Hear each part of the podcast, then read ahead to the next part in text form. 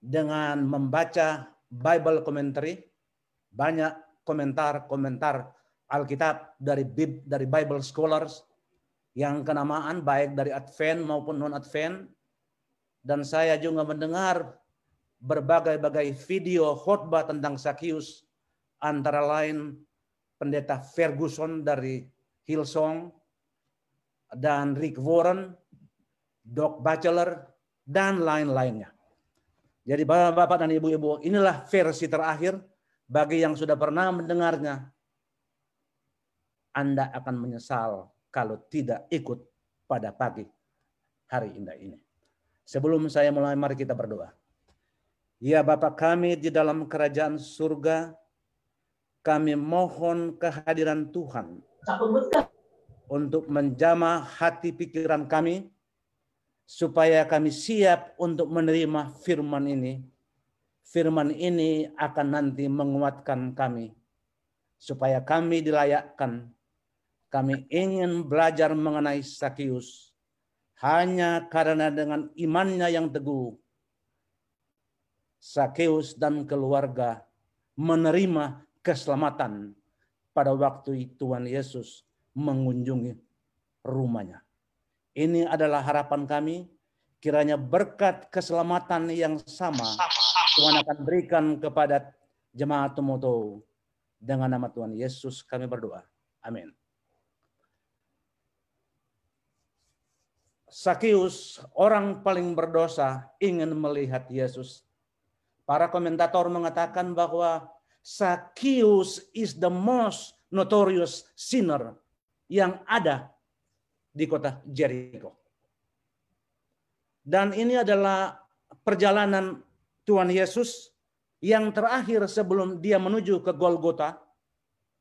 Di dalam chapter-chapter berikutnya di dalam Lukas, kalau kita baca. Jadi ini adalah episode terbesar yang sangat menggemparkan.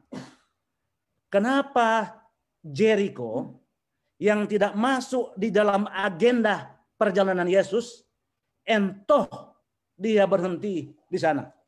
Di dalam bahasa Inggris, kalau kita baca nanti ayat 1, Jesus entered Jericho and he was only passing by.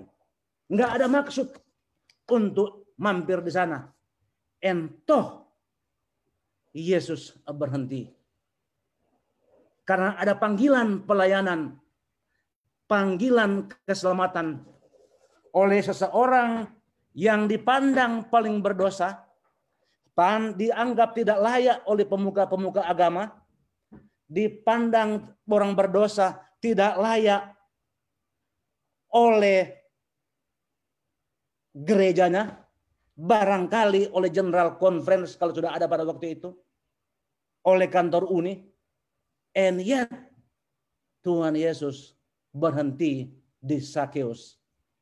Ayat 9 dia mengatakan di dalam Alkitab kabar baik, pada hari ini engkau dan seluruh keluargamu diselamatkan oleh Allah dan diberikan hidup yang baru sebab engkau juga keturunan Abraham kita dikatakan sebagai keturunan Abraham, kitab suci berkata, karena kita, the moment you believe in Christ, Anda menjadi kategori anak Abraham. Sakius adalah anak Abraham secara spiritual, imannya yang teguh, dan dia juga secara lahiriah adalah keturunan Abraham.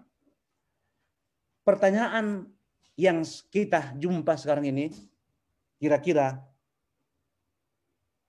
how are we going? Bagaimana kita akan bisa memperoleh keselamatan secara instan dan keselamatan diberikan kepada keluarga Sakius. Bukan hanya Sakius, tapi seluruh keluar anggota keluarga memperoleh hadiah berkat dari Tuhan Yesus, keselamatan pada waktu itu. Ini kira-kira latar belakangnya. Uh, kenapa dia nggak mau muncul? Sebentar. Uh, Kenapa dia nggak mau? Dia udah berhenti nih. Uh, Oke. Oke, ya. Oke. Ini uh, foto saya ambil dari The Desire of Ages yang saya akan jadikan sebagai reference.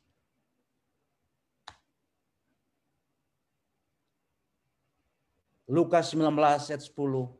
Sebab anak manusia datang untuk mencari dan menyelamatkan yang hilang.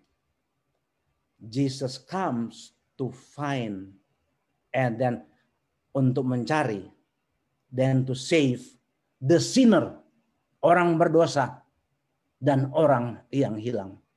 Saya tidak tahu bagaimana feeling bapak-bapak dan ibu-ibu, tapi saya dan istri merasa bahwa kita masih juga orang yang hilang. Orang yang paling berdosa barangkali di jemaat Moto. But I believe I would, kita pengen ketemu Yesus untuk memperoleh pengampunan dan memperoleh janji keselamatan. Karena kami adalah orang yang sakit, tabib datang untuk orang yang sakit untuk menyembuhkannya dan Yesus datang bagi orang yang hilang dan orang yang berdosa. Desire of ages, kerinduan segala zaman. Nanti Anda boleh baca di sana. Di sana Ellen G. White banyak memaparkan mengenai cerita klasik Sakeus yang perlu kita lihat sama-sama. Mari kita baca. Ketika Lukas 19 ayat 1 sampai 10. Ketika Yesus sampai di Jericho, ia berjalan terus melintasi kota itu. Saya katakan tadi, dalam perjalanan ini, Yesus lagi menuju Yerusalem. Karena ini adalah perjalanan yang terakhir. Dia akan menuju ke Golgota. Tetapi dia, he was just passing by dan dia berhenti di sana. Pertanyaannya, kenapa dia berhenti di sana? Para komentator mengatakan it was it was Zacchaeus. Zacchaeus yang stop dia untuk berhenti. Kenapa? Sudah lama Zacchaeus mempelajari Alkitab. Sudah dia sudah pernah dia sudah hadir di dalam khutbah Yohanes Pembaptis yang pertama yang menggambar yang sangat menggem, menggemparkan itu di dalam Lukas 3 kalau kita baca di sana Sakius adalah salah satu orang yang datang mendengarkan khutbah Yohanes Pembaptis. Ada tiga, ada empat kelompok yang hadir di sana. Yang pertama adalah pejabat-pejabat negara, adalah the publican, pejabat-pejabat negara daripada kerajaan Rom, pemungut-pemungut cukai, dan tentara, soldiers, dan yang keempat kalayak ramai yang beraneka ragam latar belakangnya. Pesan Yohanes pada waktu itu ada beberapa. Love your fellow man. Jika kita memiliki beberapa pakaian, kasihlah yang satu kepada yang membutuhkannya. Jika kita di rumah kita ada makanan, ajaklah tetangga kita untuk menikmati makanan yang sama. Dan kepada orang-orang pajak, Yesus mengatakan, Yohanes Pembaptis mengatakan, kolek pajak sesuai yang ditentukan. Jangan menagih pajak melebihi daripada yang ditentukan. Kepada serdadu, kepada soldiers, dia Yohanes mengatakan, pekabaran Yesus kepada Anda, tentara, adalah jangan menindas dan jangan meminta uang daripada orang-orang Yahudi. Maklum pada waktu itu, tanah Palestina lagi di dalam penjajahan kerajaan Rom. 2, di kota itu ada seorang kepala penagih pajak yang kaya namanya Sakeus. Sakeus berarti pure, suci. Di kota itu ada seorang penagih pajak yang kaya. Ia ingin melihat siapa Yesus itu. Tapi karena orang terlalu banyak dan ia sendiri pendek, ia tidak berhasil melihat Yesus. Saya mau paparkan ayat 2. Sakius adalah orang Yahudi. Jabatannya adalah Chief Tax Collectors. Kalau kita barangkali di Indonesia adalah Dirjen Pajak. Dia pendek. Dan pada waktu itu kerajaan Rom menjajah Yahudi. Dan Sakius dilihat orang yang paling berdosa dan berkhianat kepada orang Yahudi. Karena dua hal dia kerja dan cuma loyal kepada kerajaan Rom dan dia diberikan jabatan penagih pajak untuk orang-orang Yahudi bangsanya yang lagi dijajah. Dia menagih pajak melebihi daripada yang ditetapkan. Tax policy pada waktu itu ditenderkan. Who is the highest bidder? Dia yang dapat. Jadi di outsource bagi orang-orang Romawi, kerajaan Romawi, yang penting bahagian tax revenue-nya tercapai, they don't really care. Atau mereka izinkan sebetulnya untuk Sakeus dan anak-anak buahnya menebih, menagih, menagih melebihi daripada jumlahnya, asalkan kalau saya baca di dalam jumlah-jumlah yang normal. Tetapi normal itu adalah relatif.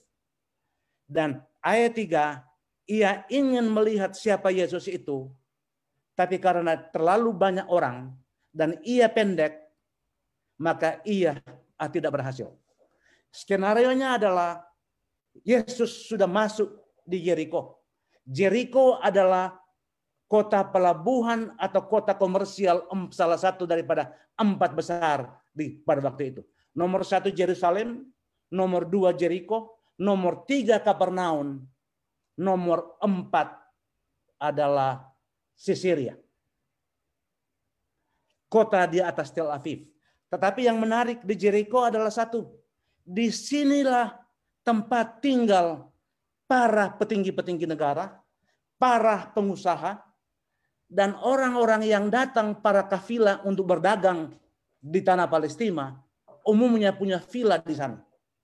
Karena Jericho dikenal ada dua adalah dia punya balsam yang sebagai bahan baku untuk membuat uh, um, apa uh, ramuan um, um, medical dan juga ramuan yang apa yang uh, apa tuh uh, yang uh, yang bau enak tuh apa parfum satu dan kedua adalah banyak palm tree yang merupakan apa yang menghasilkan buah-buah kurma dan ini adalah dua komoditas yang merupakan ekspor komoditas. Dan oleh karena itu Jericho dikenal salah satu kota termakmur di tanah Palestina. Oleh karena itu no wonder Sakius menjadi chief tax collector. Dan ayat 2 mengatakan dia sangat kaya. Bible scholar mengatakan dia adalah one of the very rich people di kota itu. Yesus tertarik untuk singgah untuk melakukan pekabaran di kota Jericho, city evangelism, kota metropolitan terbesar, kalau di dalam sesuai dengan strategi gereja Advent. And he knows di sana akhirnya ada seorang pejabat publik Sakius yang sudah menghadiri khotbah Yohanes Pembaptis, sudah mempelajari firmannya Alkitab menurut Nyonya White di dalam Desire of Ages, dan Sakius sudah mulai merespons bahwa apa yang dia lakukan adalah salah, and he is that willing untuk melakukan perubahan. Yesus melihat, he is my good target. Karena kalau Yesus bisa bisa mengham, bisa taklukan dia menerima Yesus bukankah ini adalah pekabaran yang the most powerful? His followers followers of Zacchaeus akan mudah dijangkau.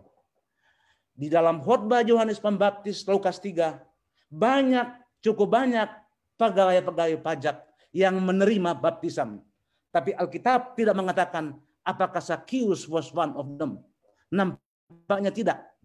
Oleh karena itu, ayat 3, ia ingin melihat siapa Yesus itu yang dia sudah dengar dari Yohanes, tapi karena orang terlalu banyak, big crowd, dan dia pendek, maka ia tidak berhasil. Ayat 4. Strateginya apa? Jadi ia berlari mendahului orang-orang lalu memanjat sebatang pohon supaya dapat melihat Yesus yang sebentar lagi akan lewat di situ. Ayat 4 ada beberapa message di sini. Ini adalah ramuan strategi. Big crowd yang membenci dia, banyak mereka yang pasti di dalam pemikiran Sakius dia nggak mungkin bisa melewati dia. Mereka, mereka membenci, dia pendek, nggak mungkin. It's an impossible situation. Tapi seorang Sakius, dirjen pajak kalau kita di Indonesia, dia dipilih menurut Bible komentari because he has the guts to achieve the to overcome the impossible and turn impossible to become reality. Selama Sakius menjabat sebagai dirjen pajak, tax revenue kerajaan Roma selalu melampaui budget yang ditetapkan oleh APBN kerajaan Roma. Why?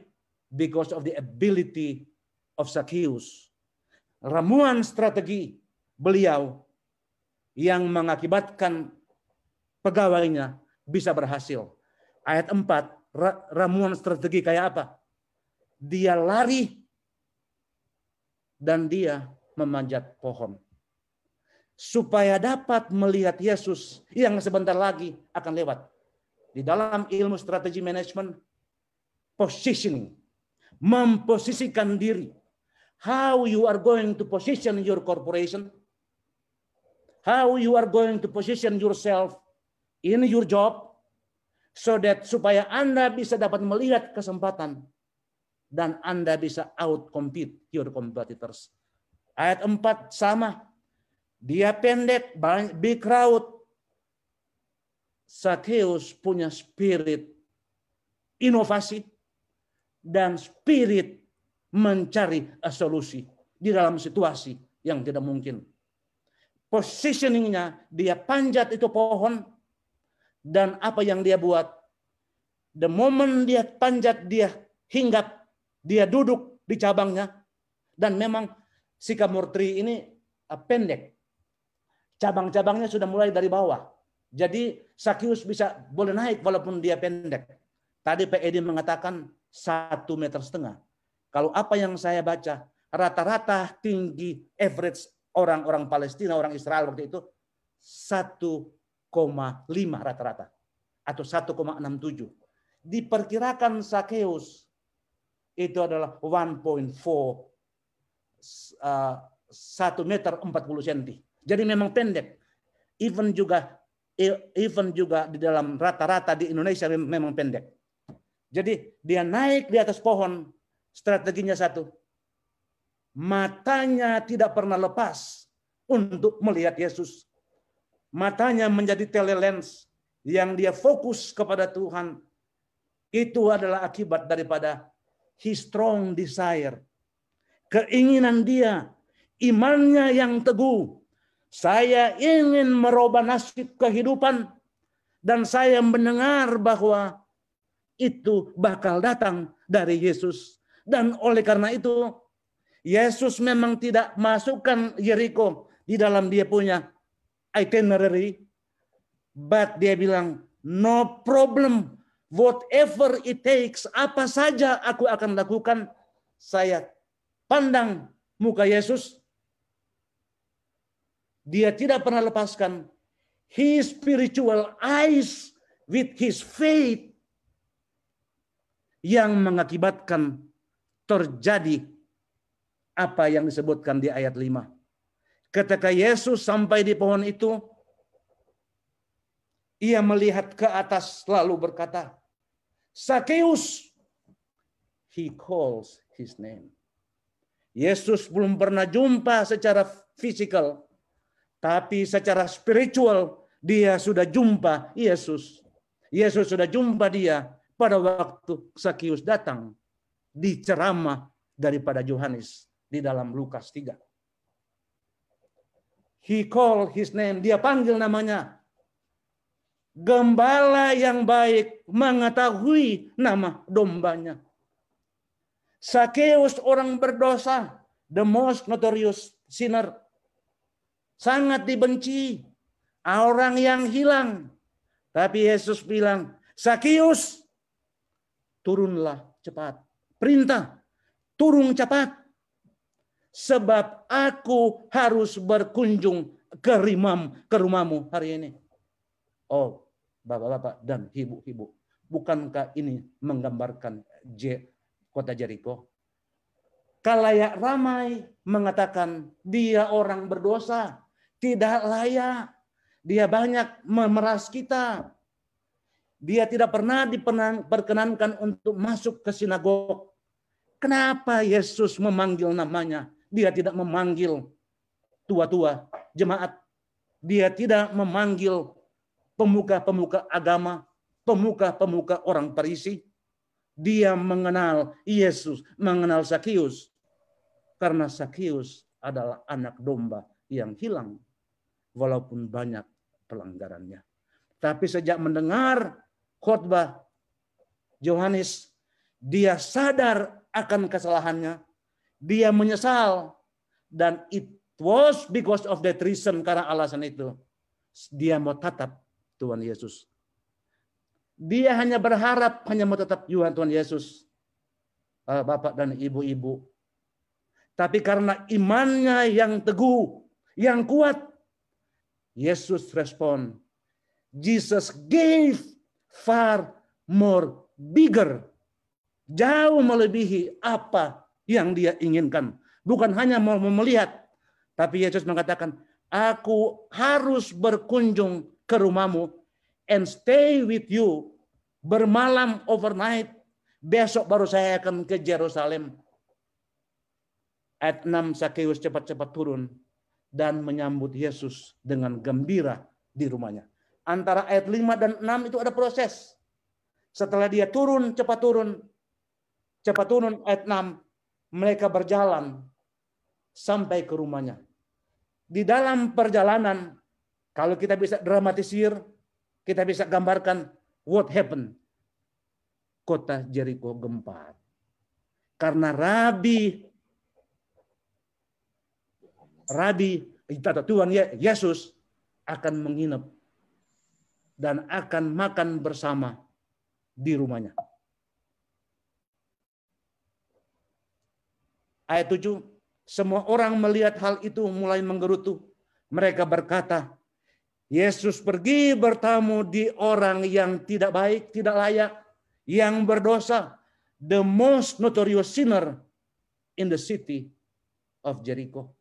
Barangkali kalau di Jakarta, siapa itu? Saya nggak bisa gambarkan. The most notorious sinner. Mungkin kalau gereja itu mau tahu, Yesus nggak mampir di pendeta Utapea, kepada saudara Edislat, kepada pendeta Pongo, kepada ketua-ketua yang lain, karena mereka sudah benar. Tapi Yesus bermalam di salah satu anggota atau moto yang dinilai gereja orang berdosa, orang yang layak dan tidak pernah diundang untuk datang ke gereja. There is a very very strong message here. Kemudian di rumahnya, sudah sampai di rumahnya, antara ayat 7 dan 8, itu ada apa? Ada perbincangan. Dan para Bible Bible scholar berkata, Siapa yang menemani Yesus untuk pergi bermalam di rumah Sakeus? Most likely Matius, karena dia juga adalah tax collectors. So, di discussion antara mereka bertiga, atau ada beberapa dengan murid yang lain. Kemudian di rumahnya. Dan Bible komentari mengatakan, di sanalah, sebelum ayat 8, di sanalah Sakius mengaku, Ya Yesus, saya sudah berdosa, tetapi I'm more than willing to follow you. dan melakukan perubahan pertobatan. Saya akan serahkan saya punya pikiran, hati, supaya tingkah laku saya menjadi layak di hadapan Kristus. Akibat dari perpaduan pikiran dan hati yang dijamah Yesus Kristus, step to Christ, if Jesus touch your mind and heart, He will lead you to a total surrender to follow him. Ini yang terjadi di sini. Pengakuan Sakius disampaikan kepada Yesus dan Sakius berkata, para komentator mengatakan, Tuhan Yesus has mercy on me. Kasihanilah aku. Berikanlah saya kesempatan. Mereka setuju Yesus menerima pertobatan Sakius dan ayat 8 Yesus di sini barangkali Yesus instruksikan dia to make a public statement. Kemudian di rumahnya Sakius berdiri dan berkata kepada Yesus, ya, Tuhan separuh harta saya akan saya sedekahkan kepada orang miskin dan siapa saja yang pernah saya tipu akan saya bayar kembali kepadanya empat kali lipat. Bapak-bapak dan ibu-ibu, ayat 1 sampai 7, mereka sudah jumpa, sudah jalan, sudah sampai ke rumah. But never in that process, Zacchaeus mengatakan, Yesus, my Lord, behold my Lord. Dia menerima Yesus sebagai Tuhannya. Ini adalah bukti pertobatan Zacchaeus. He touched his mind. His mind, pemikirannya dirubahkan dan dia mengatakan Yesus adalah anak Allah is my Lord. Pertobatan. Nomor dua, separuh dari harta saya akan saya sedekahkan kepada orang yang memerlukan. 50 persen. Dan siapa saja yang pernah saya tipu, saya kasih empat kali lipat. My friend, ada yang mengatakan mungkin he has given everything. Tapi ada juga komentator mengatakan begini. Kalau total magnitude daripada yang dia punya kekayaan awal itu, termasuk yang dia nagi-nagi dan tipu, itu satu. Barangkali kalau dia bilang, sekarang sudah apa? Sekarang sudah sepuluh. Di sepuluh ini dia kasih setengah untuk bantu gereja, supaya gereja atau moto ada dana abadi dana yang cukup untuk membiayai pekerjaan pelayanan kepada jemaat, pekerjaan perlawatan, and to share the gospel kepada sesama manusia. Setengah. Uh, um, um, setengah dan juga dia bilang empat kali lipat. Jadi kalau satu jadi sepuluh, ambil lima, habis setengah, tinggal lima. Kalau satu kali empat, Empat. Sisa berapa itu? 10 minus 5 minus 4, 1. No problem because I have found my Jesus my Savior. Nggak apa-apa. Berkat itu dari datang dari Tuhan. And it's all only untuk kemajuan pekerjaan pelayanan, pekerjaan perlawatan, dan pekerjaan penginjilan. Separuh harta dia berikan membuktikan bahwa Yesus sudah touch his heart. Hatinya menjadi punya loving kindness just like Jesus. Hukum Tuhan mengatakan apa?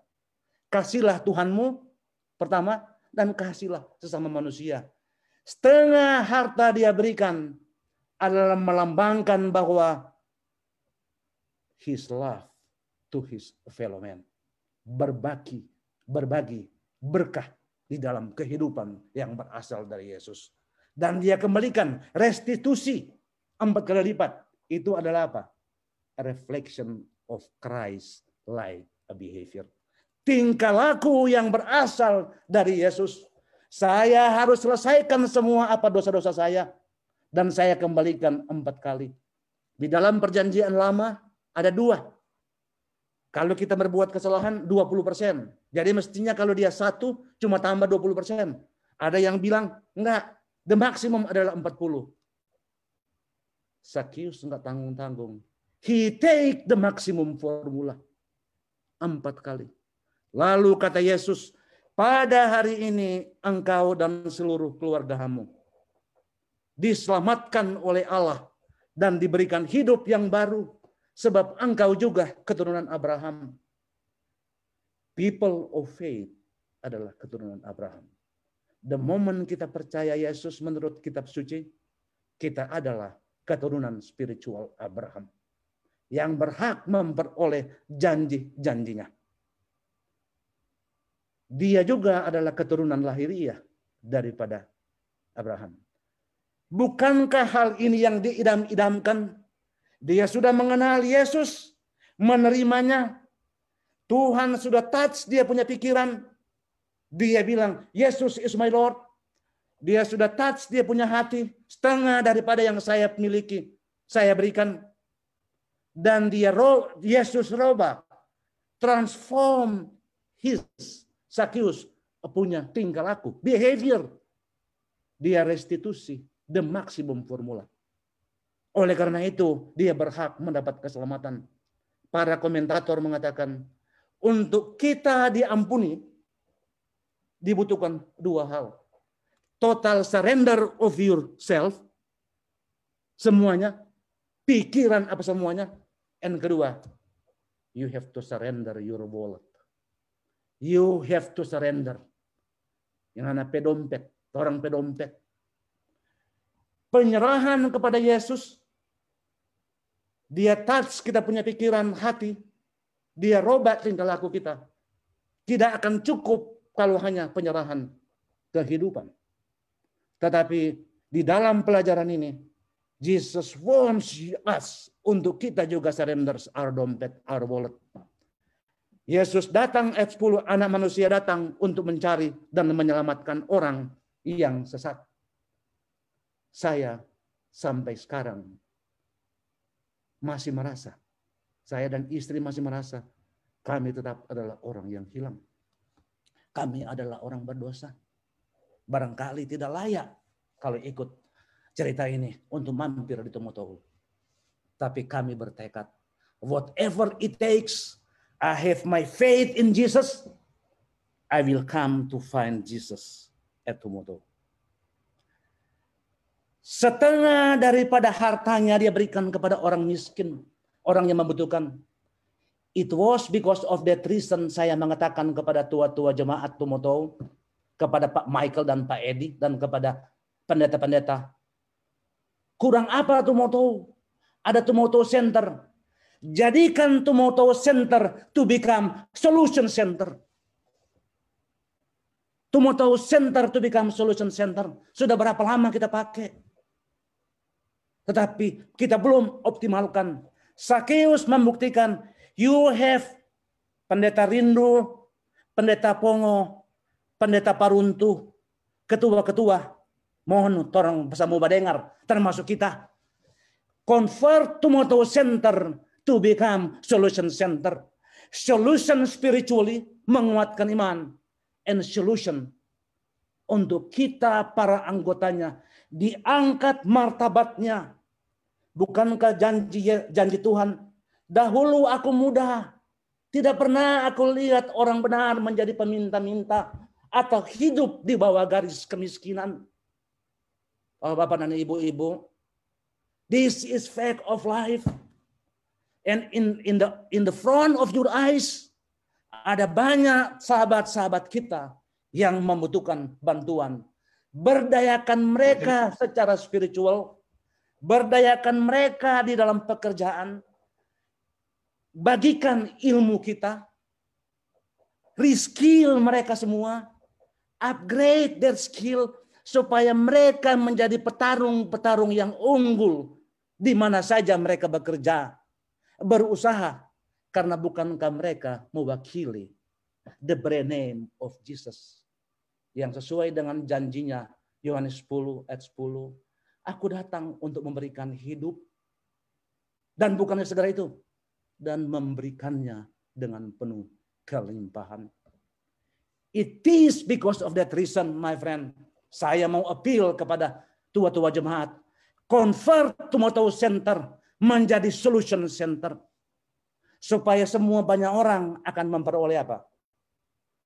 Keselamatan diberikan hari ini kepada jemaat Tumoto. Keselamatan di dalam kehidupan damai sejahtera. Menantikan Yesus kedua kali. Tetapi juga kehidupan damai sejahtera supaya kita bisa berkarya di dalam pekerjaan usaha kita selama masa penantian ini.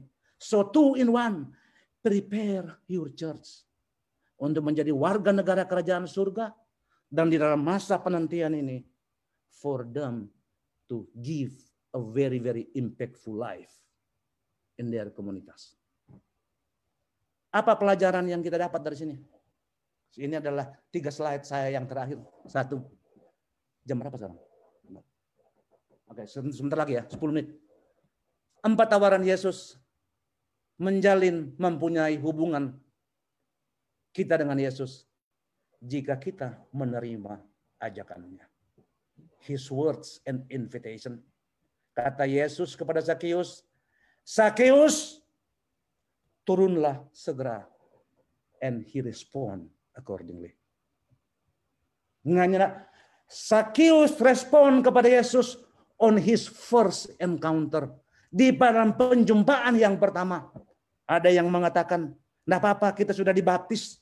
Kita lau-lau, nanti kalau sudah mau, mau menjelang, ke baru kita bertobat.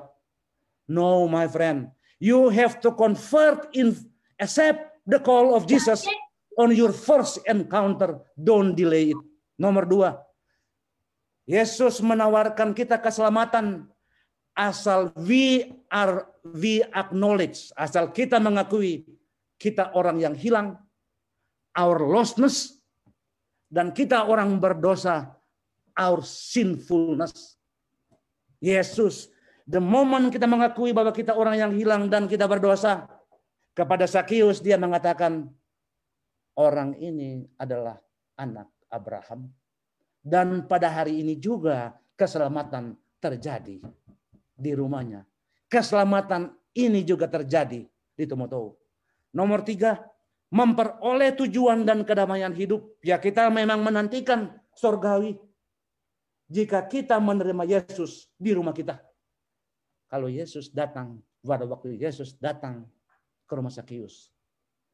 His family melakukan a total surrender their mind, heart diserahkan kepada Yesus untuk diubahkan, dijama oleh kuasa ilahi sesuai step to Christ.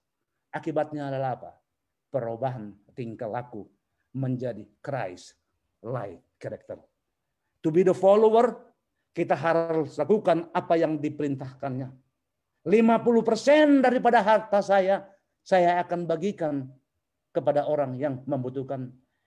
Barangkali Sakius adalah the largest philanthropist di zamannya.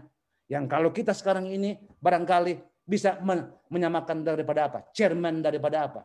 Daripada Microsoft, Bill Gates, dan juga Warren Buffett. Sakius menunjukkan, yes Yesus, I'm responding to become your followers. And here 50% saya berikan. Bapak dan ibu-ibu, apa pelajaran kita di sini? Ada lima.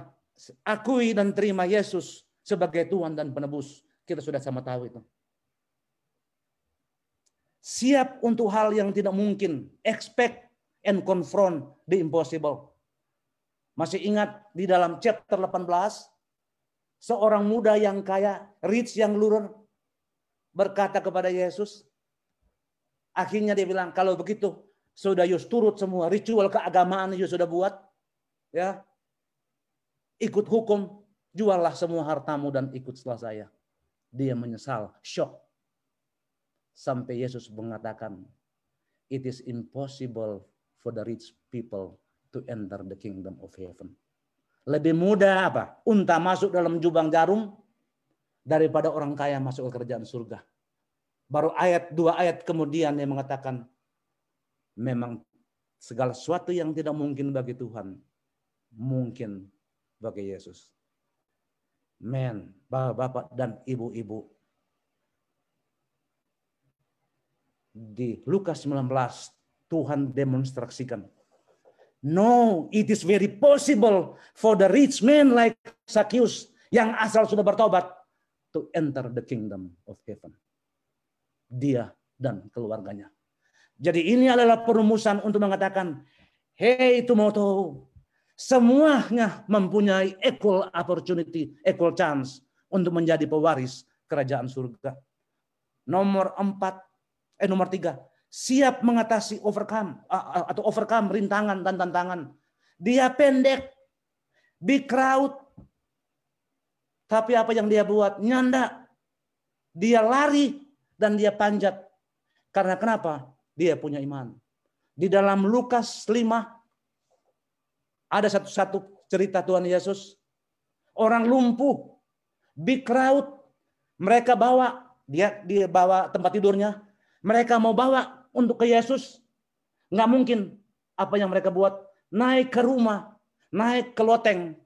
Mereka buka itu atap dan mereka luncurkan itu orang yang sakit. Para orang yang sah, lumpuh itu mengatakan, Yesus have mercy on me. They get around the obstacle rintangan apa pun. Karena mereka memiliki imannya. Jawab Yesus. Karena imanmu engkau aku sembuhkan. Siap mengatasi rintangan. Pendek. Orang Manado bilang pendek marmareno. There is always a way untuk mampir kepada Yesus. Dan keempat, abaikan itu kritik, prejudis. Sama, di gereja kita juga sama. Edison orang nggak layak. Banyak berdosa dia. Eh, Tante Regina juga sama. Yang benar adalah tonang ini adalah tua-tua jemaat. No my friend, semuanya memiliki kesempatan yang sama. Sakeus dia abaikan itu kritik, dia abaikan itu prejudis,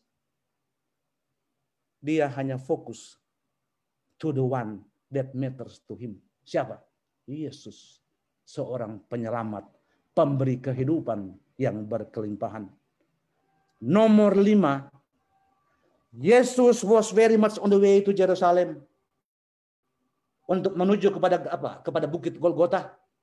Tapi dia berhenti di Jericho. Kenapa? It was Zacchaeus that stopped him untuk mampir di Jericho. Melakukan penyelamatan yang terbesar yang menggemparkan seluruh tanah Palestina. Sama di dalam pasal 18 juga Jesus was passing by. Bartimeus datang. Oh Tuhan, anak Daud, kasihanilah hambamu. Have mercy on me. Kita tahu ceritanya. At the end, Bartemius dapat melihat. Only because dua hal. Spiritual faith yang kokoh dan tinggi. Dan dia merendahkan diri kepada Tuhan. Tuhan have mercy on me. Kasihanilah hambamu. Slide terakhir. Scope of the true repentance. Seperti yang saya katakan tadi. Mencakup pikiran, yuris, pikiran yang membawa kita to acknowledge Jesus is our Lord and Savior. Nomor dua, pikiran setelah pikiran diubahkan oleh Tuhan, main Tuhan transformasi hati Zacchaeus. Menjadi hati penyayang, he love his fellow man. Setengah daripada apa dia berikan. Terakhir ketiga, transformasi tinggal aku. Maksimum restitusi akan apa yang dia buat salah yang lalu. This three in one, para komentator mengatakan adalah the basis for kita memperoleh pertobatan yang sejati. Hadiahnya adalah today salvation terjadi di rumah Sakeus. Bukankah itu juga adalah apa? harapan kita bersama? Ada yang bertanya, What happened to Zacchaeus after this? Ada dua kemungkinan. Bible commentary yang terakhir, para komentator mengatakan di dalam kisah Rasul-Rasul 1, pada waktu Yesus sudah ke surga, dan Judas sudah tidak ada lagi, sudah meninggal, Petrus mengatakan, kita mesti pilih pengganti dia. Ayat terakhir, ada dua, Barsabas dan Matias. Mereka berdoa dan mengambil undi. Matias. Bible komentator mengatakan Matias adalah nama lain daripada Sakius. Itu adalah tidak terjadi diceritakan di dalam Alkitab. Anda boleh pergi ke Google dan dan dan akses. Itu adalah apa? Kemungkinan yang pertama. Kemungkinan yang kedua, Sakius langsung ikut Petrus, Rasul Petrus untuk apa? Mengabarkan Injil. Dan Sakius oleh gereja ortodoks mengatakan dia adalah bishop pertama gereja ortodoks di kota Sisiria. Bapak-bapak dan ibu-ibu, bagi saya mengatakan, saya sudah baca semua berkomentari. Saya bersyukur melihat cerita Sakius. At the end of the cerita ini, dia total surrender kepada Yesus. Mengikuti Tuhan Yesus. Menjadi muridnya. Terlepas apakah dia adalah Rasul ke-12 atau bishop daripada gereja ortodoks di Sisiria. Tetapi akhir daripada cerita ini, Sakius memperoleh total reformation di dalam kehidupan dia. Bapak dan Ibu, Ibu ayat penutup saya. Lalu Lukas 5 ayat 31 dan 32. Lalu jawab Yesus kepada mereka, katanya, bukan orang sehat yang memerlukan tabib, tetapi orang sakit. Ayat 32, aku datang bukan untuk memanggil orang benar, tapi orang berdosa supaya mereka bertobat. Inilah pemaparan saya. Semoga berkenan saya bawakan dalam nama Yesus. Amin.